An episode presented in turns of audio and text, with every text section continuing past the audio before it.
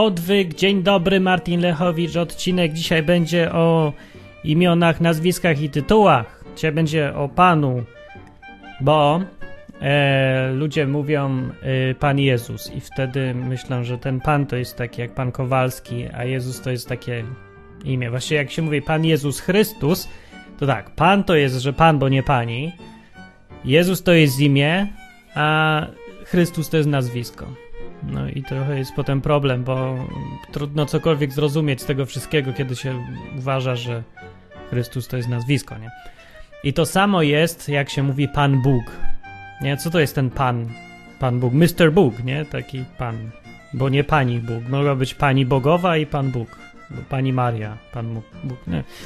Nie, no i właśnie trzeba takie rzeczy odkręcać i odwyk programu Biblii Bogu jest tutaj po to właśnie, żeby takie rzeczy odkręcać i dzisiaj będzie na temat Pana.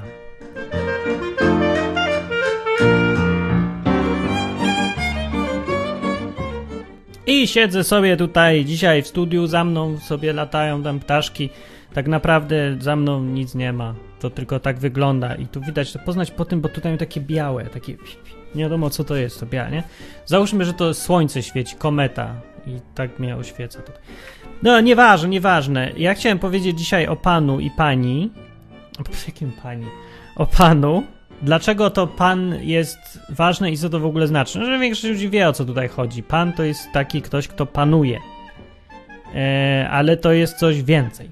I chciałem powiedzieć dzisiaj o tym, dlaczego y, to podejście typu pan jest ważniejsze od podejścia typu dobre uczynki. Nie wiem, to znaczy jest bez sensu, ale ja, zacznijmy od tego, że Jezus tak powiedział raz w Biblii tak. Nikt nie może dwom panom służyć, powiedział. Bo albo jednego będzie nienawidził, a drugiego będzie miłował, albo z jednym będziesz się trzymał, a drugim wzgardzi. Nie możecie Bogu i mamonie służyć jednocześnie. Jest też, jest też napisane w dziesięciu przykazaniach, yy, nie, to, to, w sumie nie, nie, ma tam słowa Pan, ale jest napisane, nie będziesz miał bogów cudzych przede mną, albo obok mnie, albo oprócz mnie. Zależy od tłumaczenia. W sumie najbliższe tego, co tam w oryginale jest, to by było powiedzenie oprócz mnie. No więc nie będziesz miał innych bogów oprócz mnie. I tam ciągle występuje to odniesienie do tego panowania tego Pana. Wszędzie w Biblii, w Starym Testamencie, w Nowym Testamencie, wszędzie jest o tym Panu. O co chodzi z tym Panem i dlaczego to jest w ogóle istotne? To najpierw zacznę od tego, co ludzie myślą, bo pewnie to sobie myślisz też. Tak. Albo może myślałeś, albo może twoi znajomi myślą, albo koledzy, albo babcia. A ludzie mają podejście do Boga takie. Bóg to jest taki ktoś, kto ma swoich tutaj reprezentantów i przedstawicieli na ziemi. Oni się nazywają księża, pastorzy, rabini i takie różne tam, guru, nie guru, imamowie, może ci tam w islam. Nie, i oni mówią w imieniu tego Boga, co trzeba robić, żeby było ok. No i raz bycie ok, to tak, to tak ogólnie mówię, ale to, to bycie ok polega na tym, że na przykład jak się umrze, to żeby być w niebie, albo w nirwanie, albo mieć tam dużo tych prostytutek, czy tam, nie, jak się nazywa? Churysy, churysy, przepraszam, nie prostytutki od razu. Churysy z dużymi oczami, blondynki, islam, nie? To taka wersja. No w każdym razie, żeby było ok. I żeby było ok po śmierci, żeby było już tutaj ok, bo to już tu się zaczyna przychylność Boga i życie. Ciąg dalszy będzie miał dalej, ale już jest tutaj. No więc oni mówią, że masz robić to, to, to, to, tamto, a tego i tego i tamtego nie robić. I już. I takie jest podejście większości ludzi, z którym ja tu ciągle polemizuję w tych odcinkach odwyku. Dlaczego?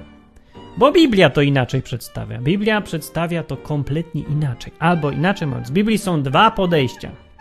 Dwa. Yy, pierwsze to jest właśnie takie, jakim mówię, i dużo ludzi ma takie podejście, że żeby być ok z Bogiem, to trzeba coś robić i czegoś nie robić. Kropka. Drugie podejście jest zupełnie inne. I to podejście było już w Starym Testamencie. Wcale nie jest rozróżnienie, że to jest podejście Stary Testament, a to Nowy. Nie. Drugie podejście polega nie na tym, żeby coś robić albo czegoś nie robić. Drugie polega na tym, żeby wybrać sobie swojego pana i się jego trzymać. I dlatego te odniesienia e, o pan do pana są bardzo częste. Ja przeczytam taki fragment, bo po nim widać o co chodzi i jak do tego wszystkiego podchodzi Biblia. Że to jest kwestia nie tego, że się robi to i tamto, ale kwestia lojalności wobec jednego wybranego pana, swojego jakoś pana, nadzorcy tam. W czasach e, feudalizmu to było łatwiejsze do zrozumienia, bo tam każdy miał kogoś tam nad sobą i ten ktoś był odpowiedzialny, w pełni rządził i w ogóle. A teraz nie za bardzo wiadomo o co chodzi, bo niby każdy sobie jest panem i każdy sobie decyduje, ale to jest niby, bo tak naprawdę każdy jest uzależniony od pracodawcy, od nauczyciela w szkole, od rodziców, od tego, od tamtego. No. I yy, uzależnień jest więcej teraz i one dokładnie tak samo działają, bo tak samo uczeń, który se chodzi do liceum czy gimnazjum, ma swojego pana w postaci rodziców w 100% to jest pan. Ty jesteś niewolnikiem. To, że się to inaczej nazywa, to nie ma żadnego znaczenia. Nie możesz nic zrobić, bo nic nie masz. Nie masz własnej własności, nie masz dokąd iść. Prawo w dodatku jeszcze każe cię, no sprawia, że jesteś niewolnikiem de facto, nie możesz was decydować o sobie. No, więc to dalej to samo jest. A potem jest podobnie, bo ten, kto nic nie ma własnego i nie może zarabiać, to też musi się komuś podporządkować. No musi. A ten, kto zarabia, ale jego zarabianie jest uzależnione od kogoś innego, też jest jego poddanym. De facto, faktycznie. Mimo, że na papierze prawnie to tak nie jest, nie, nie, nie, ale tak naprawdę to jest. No i yy, dobra, idę no, po kolei, po kolei. Jest napisane w Starym Testamencie, jest taki fajny fragment, który ja sobie trochę sparafrazuję i ładnie przeczytam, żeby było współcześnić trochę. No, bo lubię. Była taka sytuacja, że był prorok Eliasz. I był, spotkał sobie Obadiasza. Obadiasz, Obadiasz, to jest imię fajne. Obadiasz był zarządcą pałacu króla ówczesnego Achaba. Achaba, po hebrajsku Aha, Achaba. Więc Achab to był bardzo nieprzyjemny pan i on strasznie nienawidził Eliasza. Eliasza. Y, jak nienawidził go, to tutaj z tej rozmowy wyjdzie, ale była taka sytuacja, no i Eliasz się ukrywał w tamtym czasie, bo Ahab się na niego naprawdę wnerwił. Ahab to był wyjątkowo brzydliwy król, który nie chciał się trzymać tego Boga Izraela i miał swoje pomysły na rządzenie. Polegały między innymi one na tym, że se znalazł innych bogów, znacznie lepszych, bo można im było figurki fajne robić, i te figurki zawsze się łatwiej kontrolować naród i w ogóle jak się produkuje figurki ze złota, ze srebra, tamtego, postawił pomniki, no tu są pomniki, tu ich macie czcić, a one, że stoją na moim terenie i ja je kontroluję, to w ogóle już jest super. No, mniejsza z tym, każdym razie oni byli bardzo źli na siebie. Ahab na Eliasza, bo Eliasz ciągle jako prorok Boga, tego prawdziwego Boga, tego z Biblii Boga, tego co stworzył wszystko, przychodził do Ahaba, do króla i nawijał mu, że ty robisz to źle, tamto źle, no nazbieraj se innych bogów, dostaniesz w dupsko. I dostawał w dupsko ten król. No bo Eliasz powtarzał tylko to, co Bóg mówi, najwyraźniej powtarzał, bo to się wszystko potem spełniało. Więc Ahab nie był wkurzony na to, że sam robi coś, co jest przyczyną tego, że się Bóg wkurza. Nie był wkurzony na Boga, który to właściwie robił jemu, tylko był wkurzony na Eliasza. No to jest tak jakby, że ludzie tak często reagują, że jak ja komuś mówię coś, prawdę, to nie są wkurzeni na prawdę, tylko na mnie, że ja to mówię, a nie to, że tak jest. Nie, że jak ja mówię na przykład, że ZUS bankrutuje za parę lat, że będzie zapaść ekonomiczna i kryzys, na przykład mówię, bo mówię, i mówię, że będzie hiperinflacja najprawdopodobniej, bo mówię, to oni przychodzą, nie, nie, mówią, że to źle jest, że ktoś doprowadził do tego kryzysu inflacji, że taka jest rzeczywistość. Oni się na nią nie wkurzają. Oni się wkurzają na mnie, że ja to mówię. I to samo robił Ahab. Nie wkurzał się na Boga, który kazał powtarzać, tylko na tego, kto powtarzał po nim. No głupie, nie? No ale tacy są ludzie, no tacy są. I dobra, i teraz historia się zaczyna tak. Kiedy Obadiasz, ten zarządca pałacu, był w drodze, zdarzyło się, że właśnie go spotkał Eliasz. I on go poznał. Eliasza, ten zarządca. I upatrzy na twarz, powiedział tak: Czyś to ty, panie mój Eliaszu? A Eliasz mówił: No, ja. Idź i powiedz swemu panu, jest, oto jest Eliasz. Eliasz przyszedł, powiedz mu. Obadiasz zaś rzekł, czym zgrzeszyłem, że wydajesz swego sługę na śmierć z ręki Achaba? Ja już what? What? Co? Co, co jemu chodzi? Eliasz przychodzi i mówi, powiedz, że ja tu jestem, idź. A on mówi, co ja ci złego zrobiłem, że mi każesz to robić, że on mnie zabije. I wyjaśnia. Na życie Pana Boga Twego, mówi Obadiasz. Nie ma narodu ani królestwa, do którego by nie posłał mój Pan, aby Cię szukać. Gdy zaś powiedziano nie ma, Eliasza, sorry, to kazał przysięgać każdemu królestwu i każdemu narodowi na to, że Ciebie nie może znaleźć. Także gość miał obsesję, nie?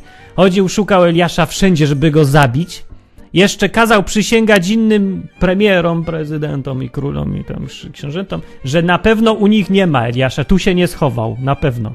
Że gość miał, miał popieprzony, nie? Teraz przychodzi Eliasz do Obadiasza i mówi, a i tu jestem. Tada. Cały czas tu byłem. A kuku, nie bawia zabawa chowanego. Nie znalazłeś mnie, sorry, teraz ty kryjesz. Dobra.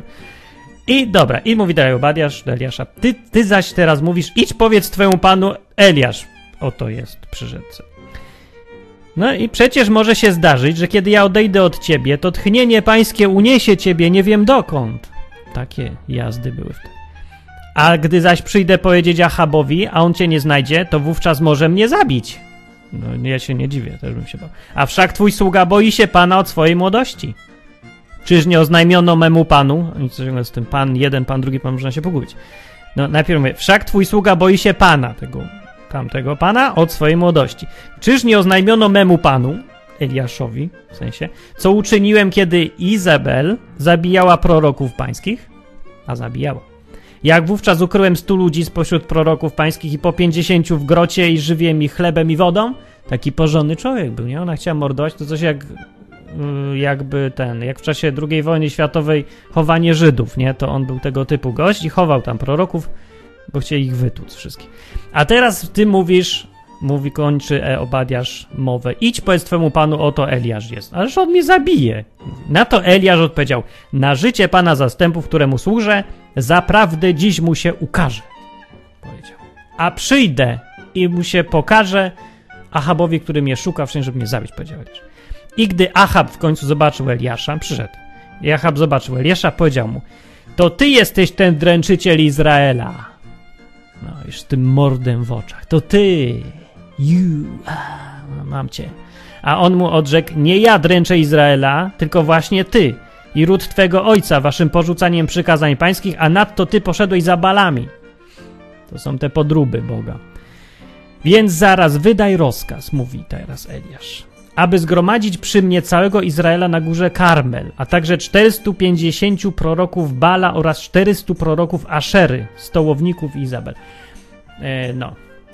A, no, no i dobra, i nie wiadomo dlaczego tak się stało akurat, ale Achab może był, poczuł chęć rozrywki albo stwierdził, jak już Eliasz przyszedł, to go może zabić kiedy chce. A zobaczymy co zrobi. Się zgodził. I Achab rozesłał polecenie wszystkim Izraelitom i zgromadził proroków na górze Karmel. Albo sobie myślał, że jak tych jest 950, a Eliasz jeden, no to im nie podskoczy. Jest bez sensu, jaka impreza. Że Eliasz wyjdzie na idiotę i to będzie lepsze niż go zabić. Tak sobie pewnie myślał. Ja bym tak pomyślał, ale nie wiem co myślę. No więc Eliasz rozesłał i zgromadził tych proroków na górze Karmel i wówczas Eliasz powiedział tak do całego ludu. Dopókiż będziecie chwiać się na obie strony. Jeżeli Jahwe, jak tu powiedziałem, albo Jehowa, albo JHWH jest prawdziwym Bogiem, to jemu służcie. A jeżeli Bal, to jemu służcie. Na to nie odpowiedzieli mu ani słowa. No i tak. I ten fragment, dlaczego go przeczytałem? Bo w tym fragmencie dziewięć razy, w tym kawałku krótkim, występuje słowo Pan. Nie, mój Pan, temu Panu, Pan, Pan, Panu. I pięć razy występuje słowo służyć. Służyć i Pan. Pan i służyć. W tym fragmencie, to jest fragment o tym, że y, ludzie poszli za obcymi bogami, robili coś ewidentnie źle. Tu jest konflikt jak pieron. Jest Bóg, którego reprezentuje Eliasz, prawdziwy Bóg, i jest Ahab, król Izraela, który ze poszedł za innymi bogami, robi coś, co jest złego. To jest podział na tych, którzy są wierzący i niewierzący. W Polsce się robi tak, że jest, tak się dzieje ludzie, nie? Jesteś wierzący czy niewierzący? I to, tak jakby to wszystko miało wyjaśnić.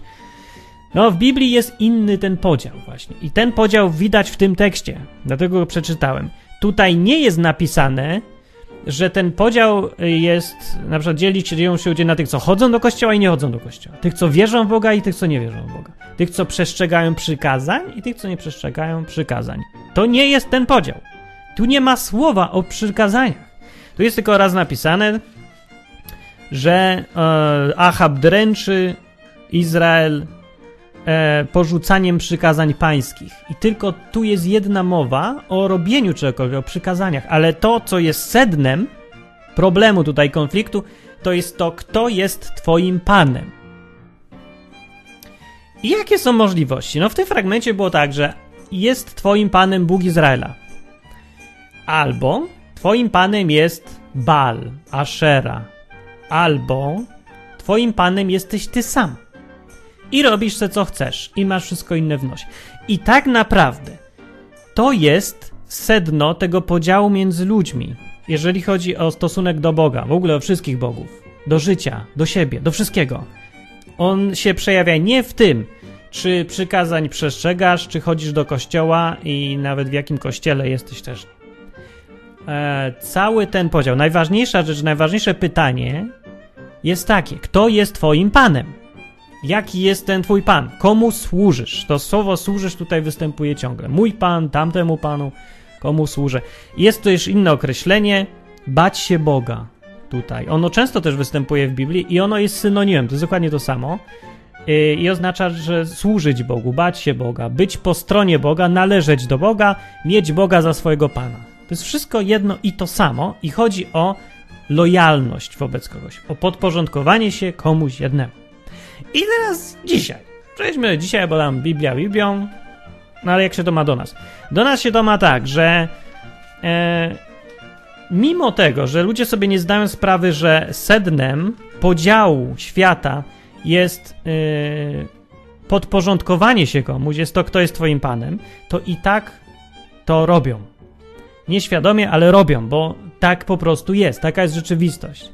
Choćbyśmy sobie nie wiem, co wyobrażali w głowie, rzeczywistość jest taka, jaka jest rzeczywistość. A rzeczywistość jest taka, że człowiek musi komuś służyć. Musi mieć jakiegoś pana jednego, wyznacznika czegoś, znaczy takiego, e, no, najbardziej priorytetową rzecz, której służy. I zdecydowanie najczęściej, absolutnie najczęściej na pierwszym miejscu w wyborze ludzi tym ktoś to jestem ja. To znaczy nie ja prowadząc, tylko ty.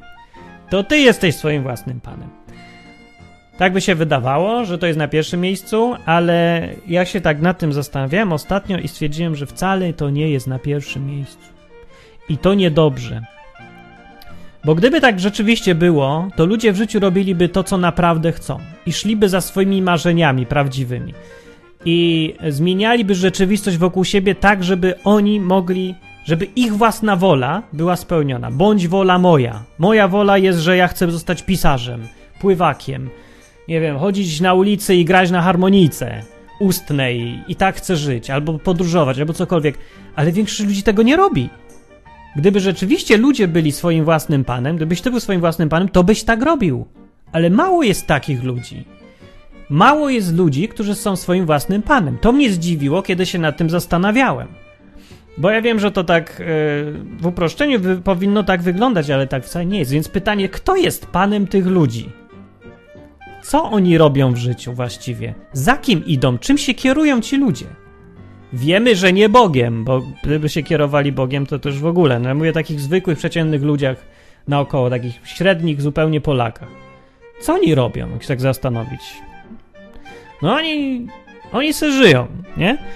Idą do szkoły, potem do gimnazjum, potem do liceum, potem na studia, obowiązkowo w Polsce trzeba iść na studia, i potem szukają pracy najlepiej na etat, obowiązkowo trzeba mieć etat i umowę o pracę, bo i na to jest śmieciowa umowa, nie? Bo tylko pracę, nie? I tylko studia, i tylko państwowe, i tylko 5 lat. I tylko magister. Nie? I no i co? I tylko trzeba mieć żonę. Koniecznie trzeba mieć żonę. Bez żony to jest znowu śmieciowe życie, bo trzeba mieć żonę. I trzeba mieć dzieci dwójkę. Obowiązkowo dwójkę dzieci. No jest jedno też dobrze jeszcze. Jeszcze ujdzie. Ale dwójka to w ogóle jest super.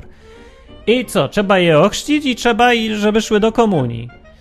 No i tak trzeba pracować przez 30 lat. Najlepiej w jednej pracy to jest w ogóle szczyt chwały, nie? Takiego, tego co trzeba. I potem trzeba umrzeć. I mieć fajny nagrobek na cmentarzu. I tak dalej. I właśnie koniec, nie? I to jest życie przeciętnego Polaka. Właśnie streściłem to, do czego dążą Polacy, nawet niechcący.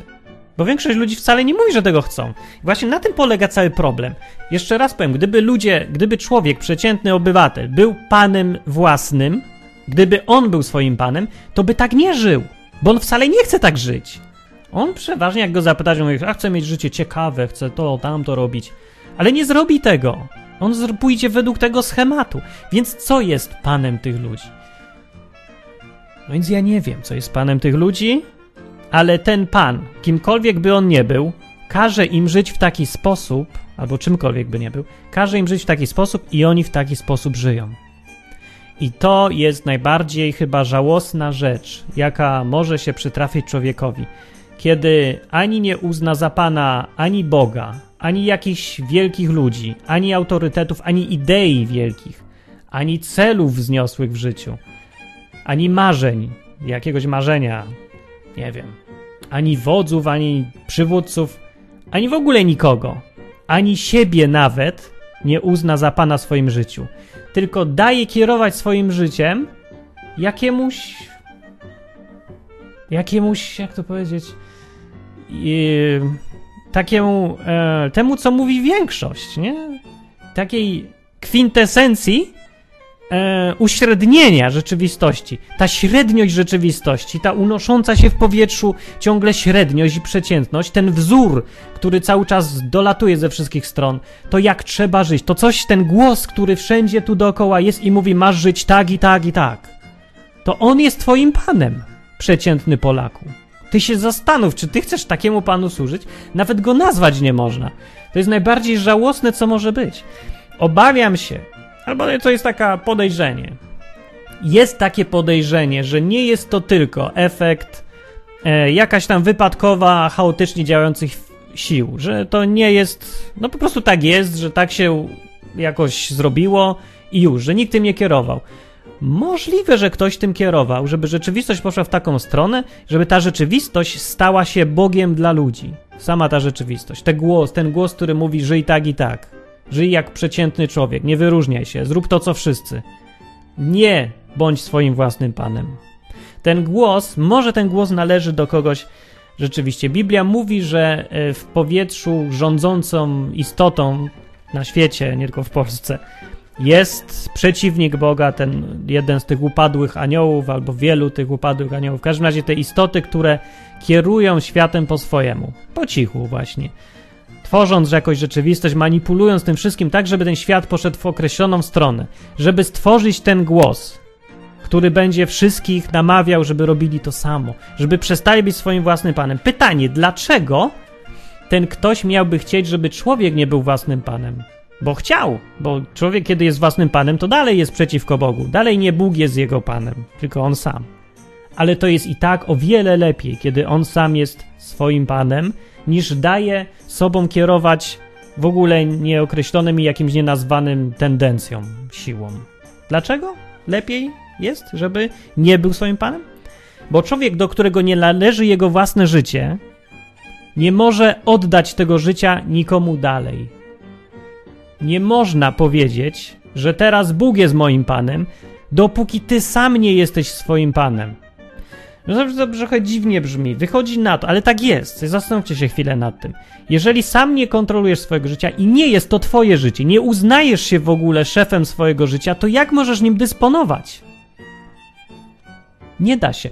Możliwe, że dlatego zupełnie nie działa e, przemawianie jakoś do świadomości, uczenie takich ludzi, którzy sami nie biorą pod uwagę, że to oni są odpowiedzialni za swoje własne życie. Jeżeli człowiek uzna, że to nie ja jestem odpowiedzialny za swoje własne życie, ja tylko robię to, co mi każą, to nie można oczekiwać od niego i powiedzieć mu teraz, oczekiwać od niego, że odda komuś teraz swoje życie, władzę nad swoim życiem, odpowiedzialność. No, odpowiedzialność, że nie wiem, czy powinien akurat, ale prawo do decydowania o swoim życiu odda komuś, skoro sam uważa, że nie ma takiego prawa mieć w ogóle, ani nim dysponować. To jest tak, jakbyś chciał komuś sprzedać samochód, którego nie masz. Nie możesz powiedzieć facetowi, który stwierdził, ja nie mam tego samochodu i powiedzieć mu, sprzedaj ten samochód Bogu. Daj go Bogu, daj mu, albo siądź, no jest takie porównanie ciągle, które chrześcijanie używają, że e, ty, załóżmy, twoje życie to jest samochód i ty jedziesz tym samochodem, siedzisz za kierownicą, kierujesz, nie? I teraz mówią, oddaj kierowanie samochodem Bogu. Nie? Niech on tu siądzie za kierownicą, a ty siedzi obok i jedź z nim. Dobre porównanie, tylko dlatego nie działa, ja sobie tak uświadomiłem teraz, bo ten człowiek nigdy nie był za tą kierownicą. I to nawet nie na tym polega problem. Ten człowiek uważa, że to nie jest jego samochód, ani to nie jest jego kierownica, ani on nie chce trzymać tej kierownicy, on w ogóle nie chce, żeby jej było. Samochód jedzie sam. On nie może oddać tej kierownicy, bo nigdy jej nie miał w rękach. To jest szok, nie? No. No i to właśnie taki szokujący odwyk jest. No i właściwie to jest większość tego, co chciałem powiedzieć.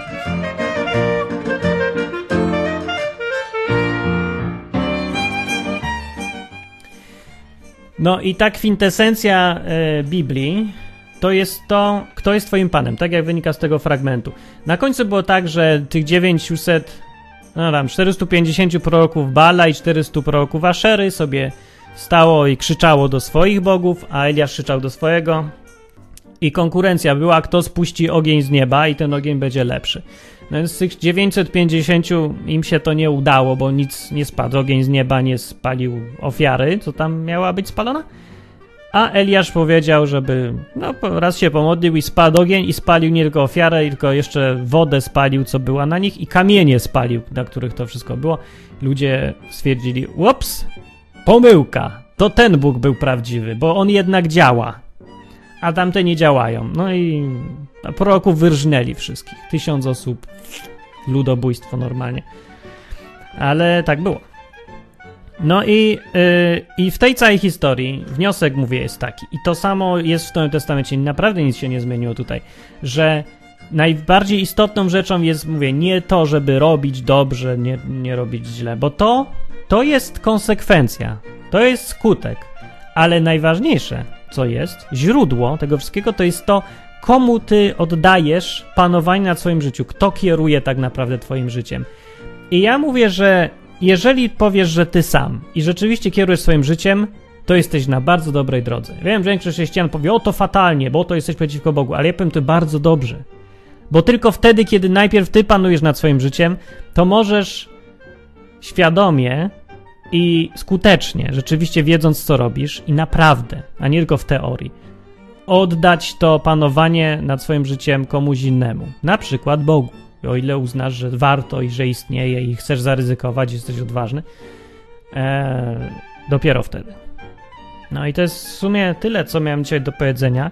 A miałem mówić o czym innym, o Biblii, ale tak mi się w, w, w niedzielę mi się przyśnił ten temat. Rano, nie, wieczorem mi się, nie wiem, albo mi się przyśnił. Tak mi się wydaje, że mi się przyśnił. Czasem mi się temat do odwyku przyśni. Albo mi się tak łazi po głowie i wtedy wymyślam. No, i, I powiedziałem, co miałem powiedzieć, i teraz już właściwie nic nie muszę powiedzieć. Ja chciałem powiedzieć, aha, już na koniec tylko powinno iść teraz inna muzyczka, ale nie mam, bo to wszystko nagram akurat na żywo se w studiu. Właśnie, a propos studia, dzięki wielkie wszystkim, którzy trochę, którzy sponsorują ten odwyk, bo dzięki wam on istnieje i dzięki Kudłaty, jej, Kudłaty i Darek z Grodziska dał kupę na właśnie, na to, żebym mógł to robić, co robię i na nową drogę. Ktoś się podpisał na nową drogę i też kupę kasy. Dzięki wielkie za to i dzięki wam ten program istnieje i może komuś pomoże. Może ludziom uświadomi na przykład to, bo to już nawet mówię, nie tylko chodzi o Boga, ani w ogóle nie chodzi o Kościół, nie chodzi o nawracanie się nawet. Chodzi o to, kto osobiście będzie, nie, kto będzie kierował twoim osobistym, prywatnym życiem. O to tutaj chodzi, nie? No może je oddać prezydentowi Komorowskiemu na przykład. prezesowi Kaczyńskiemu, albo premierowi Tuskowi możesz oddać, albo możesz papieżowi, albo komu tam chcesz. Ale najpierw to musisz świadomie wiedzieć, że to ty masz najpierw być panem swojego życia, a potem możesz to panowanie komuś dopiero oddać. Większość ludzi, no znaczy, mówię, w przypadku większości ludzi, nawet jak oni mówią, a to, że tam moim życiem panuje, nad moim życiem panuje ktoś tam, ten albo tamten, to nie jest prawda. Z tego powodu, że oni nigdy nie wzięli tego swojego życia w swoje ręce, tylko pozwolili kierować nim komuś innemu. I mówiąc, że oddaje swoje życie komuś tam jeszcze innemu, nic się nie zmieni. Nigdy. Dopóki oni sami nie, e, nie uświadomią sobie, że to on, jest ich życie, do nich należy. Nie? bo dalej będzie panować wtedy nad ich życiem ten głos w powietrzu, który im mówi idź na studia, idź, zrób to, bądź grzecznym, przechodź na zielonym świetle. No i właśnie teraz głos mówi przechodź na czerwonym, bo wszyscy przechodzą na czerwonym. To ty też przechodź, bo wyjdziesz na głupka. Albo rób to, albo rób tamto, bo inaczej wyjdziesz na głupka. W ogóle rób wszystko to, co tu, szepcze ten głos większości w powietrzu, bo wyjdziesz na głupka i kogoś tam innego. Będziesz oszołomem. No. I póki człowiek tak myśli, to może sobie mówić, że moim Bogiem jest Matka Teresa z Kalkuty albo Yeti i to niczego nigdy nie zmieni, bo ten człowiek dalej będzie słuchał tego głosu. Mówię, najpierw droga do Boga prowadzi przez to, że najpierw ty musisz panować nad swoim życiem. Może kiedyś tak nie było. Ja myślę, że kiedyś ludzie nie mieli tej obsesji dostosowywania się do większości. I jednak ludzie, ludzie sami wiedzieli, że panują nad swoim życiem, bo muszą, a dziś nie muszą. Na tym polega problem. Uczniowie nie muszą, bo rodzice ich sponsorują, nie? Potem jak już pracują, to też nie muszą, bo zawsze państwo im pomoże. Bo zasiłki, bo to, bo tamto. I nie muszą. Człowiek, który dopiero jest zmuszony, w dzisiejszej rzeczywistości, dopiero jak człowiek jest zmuszony, to wtedy dopiero panuje nad swoim życiem, zaczyna panować. I wtedy, kiedy taki człowiek oddaje swoje rzeczywiście życie Bogu, życie, które już miał, to wtedy widać po nim zmianę. Wtedy to jest szok, bo wtedy się dopiero coś zaczyna dziać. Bóg może coś robić. Wiedz, że coś się dzieje. Wiedz, no. E, ja to widziałem wiele razy rzeczywiście i jest efekt, no, jest efekt, fajny jest efekt rzeczywiście. I wtedy może człowiek patrzy na takiego faceta i mówi, tak, to nie jest nieudacznik życiowy, to nie jest człowiek, który ucieka do Boga, bo nie może sobie poradzić z własnymi problemami, to jest człowiek, który może panować nad swoim życiem, który se radzi w życiu, który robi to, co chce, a mimo to oddaje to panowanie Bogu i więcej, ten Bóg działa w jego życiu. I to już jest najbardziej szokujące. To jest najbardziej szokujące, że wszystkiego tak jak spuszczenie wtedy ognia na górze Karmel było najbardziej szokujące z tej całej historii, że po wszystkich tych tam przygodach, bla bla, na samym końcu Aliasz się pomodlił i spadł ogień. I to było, o kurde, o jasny pior. Ale do tego wszystkiego to jest taka długa droga. I o tej drodze, jaka tam w tym odwyku. Piszcie komentarze na stronie www.odwyk.com. Ja byłem Martin Lechowicz, a jeżeli uważacie, że ten program jest dobry, to pamiętajcie, żeby zasponsorować go jakoś, bo to jest jedyne źródło. Nie ma reklam, nie ma reklam, nie ma sponsorów, nic nie ma. Dzia ale działa jakoś, ciągle. I to jest chyba jedyny taki program e, w Polsce, który działa w ten sposób i działa. Już parę lat tak działa w ogóle, ale jaja. Dobranoc.